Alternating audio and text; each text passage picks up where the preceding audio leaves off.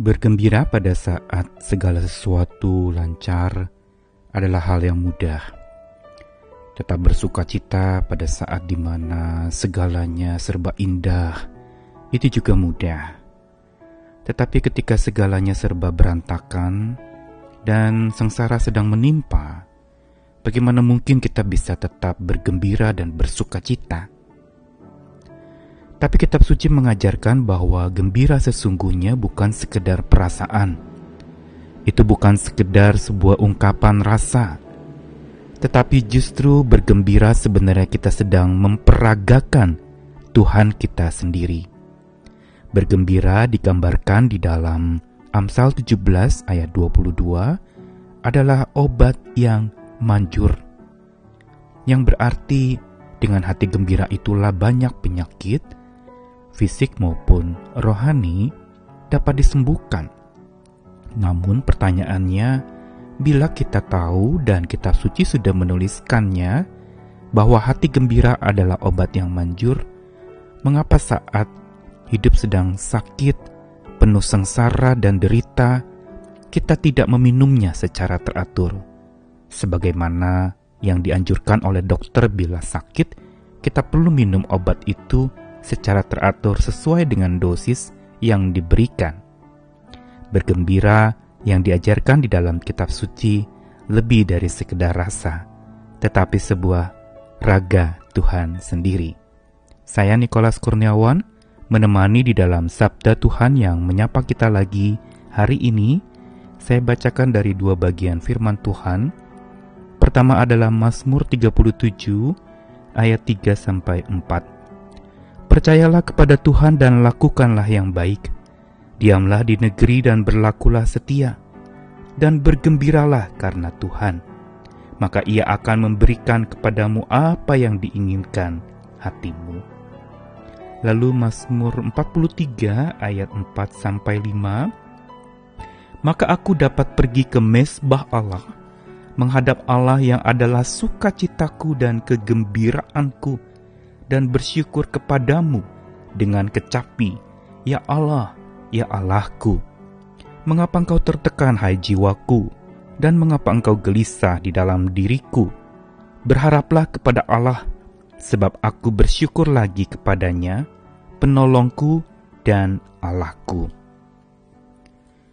Mazmur 37 sebagaimana yang kemarin saya katakan berbicara tentang pembandingan antara orang-orang fasik dengan orang-orang benar. Dan bagian ayat 3 sampai 4 ini merupakan gambaran orang yang benar yaitu yang mempercayakan hidupnya kepada Tuhan, melakukan hal yang baik, berlaku setia, dan yang terakhir dalam ayat 4 dikatakan yang selalu bergembira karena Tuhan. Inilah ciri orang yang hidupnya benar, bukan sekedar tahu kebenaran, tetapi dia bergembira karena Tuhan. Dan dijanjikan Tuhan akan memberikan apa yang diinginkan oleh hati orang-orang yang bergembira karena Tuhan. Apa yang dimaksud dengan bergembira karena Tuhan di dalam ayat yang keempat itu?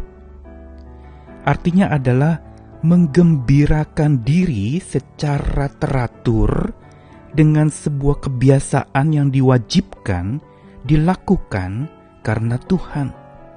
Dengan kata lain Mazmur 37 ayat 4 mau mengajarkan tentang bagaimana kita membangun kedisiplinan bergembira. Mungkin kita berpikir agak aneh, kok gembira harus didisiplinkan?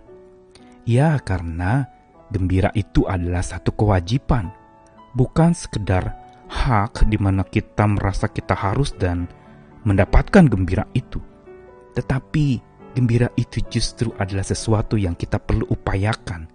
Satu kewajiban dan disiplin rohani yang perlu kita bangun. Dan bergembira karena Tuhan inilah yang membuat perbedaan di mana gembira kita itu bukan karena kita mendapatkan apa yang kita inginkan atau kita peroleh apa yang kita idam-idamkan, tetapi bergembira karena Tuhan Sebab Tuhanlah yang sesungguhnya dapat dipercaya. Tuhanlah sesungguhnya yang membimbing dan menyertai. Jangan lupa Mazmur 37 ditulis oleh Daud yang tahu betul siapa Tuhan, yaitu gembalanya yang baik. Tuhan adalah gembala yang memeliharanya, merawatnya, menyertainya dan membimbingnya senantiasa. Persis seperti Daud membimbing domba-domba, merawatnya sedemikian rupa agar domba-domba itu bisa makan, bisa juga aman dari serangan musuh yang ingin merusak, menghancurkan domba-domba yang ada. Begitu pula Tuhan lakukan demikian.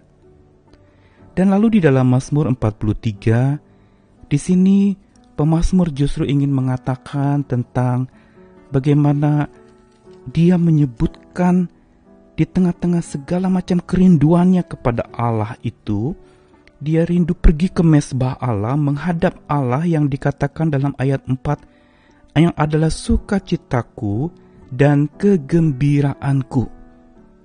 Sukacitaku dan kegembiraanku.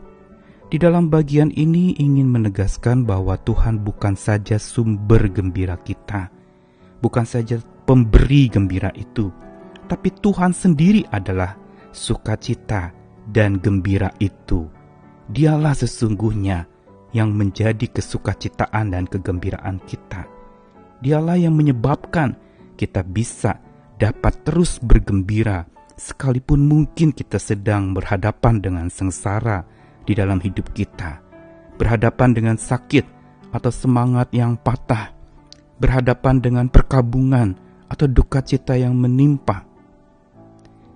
Jangan lupa bergembira yang harusnya dibiasakan dan diwajibkan ini adalah sesuatu yang memang perlu kita terus kerjakan dan upayakan, sehingga tak ada satupun, siapa pun atau apa pun yang dapat merampas gembira kita.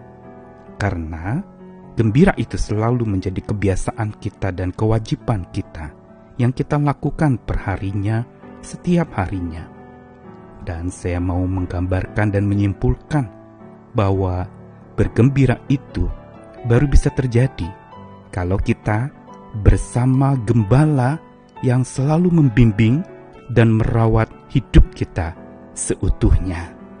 Dialah gembira itu, dialah sukacita kita. Karena itu, tetaplah minum obat yang paling manjur itu, yaitu hati yang selalu bergembira di dalam Tuhan, karena Tuhan, oleh Tuhan, dan bagi Tuhan. Karena dengan makin kita bergembira, sesungguhnya imun tubuh kita akan makin baik. Dengan bersyukur, dengan berpikir hal-hal yang indah, yang sedap kedengarannya, yang mulia. Pada saat itulah sebenarnya kita makin dikuatkan lagi iman dan imun kita.